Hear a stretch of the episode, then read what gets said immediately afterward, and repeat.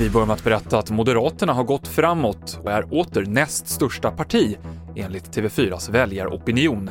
Både Miljöpartiet och Liberalerna hamnar under 4% spärren och skulle alltså åka ur riksdagen om det var val idag.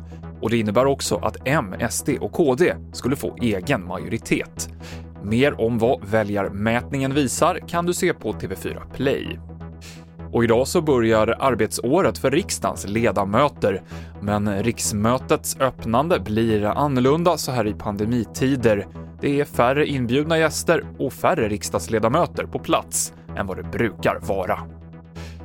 Och idag startar rättegången i den största bedrägerihärvan någonsin mot CSN, där myndigheten blev av med 9 miljoner kronor. Huvudåtalade är tre män som fått hundratals personer att upplåta sina identiteter och bank-id för att lura till sig pengarna. Bevisningen består av telefonavlyssning, spaningsuppgifter och banktransaktioner, men alla de tre huvudåtalade nekar till brott. TV4-nyheterna med Mikael Klintevall.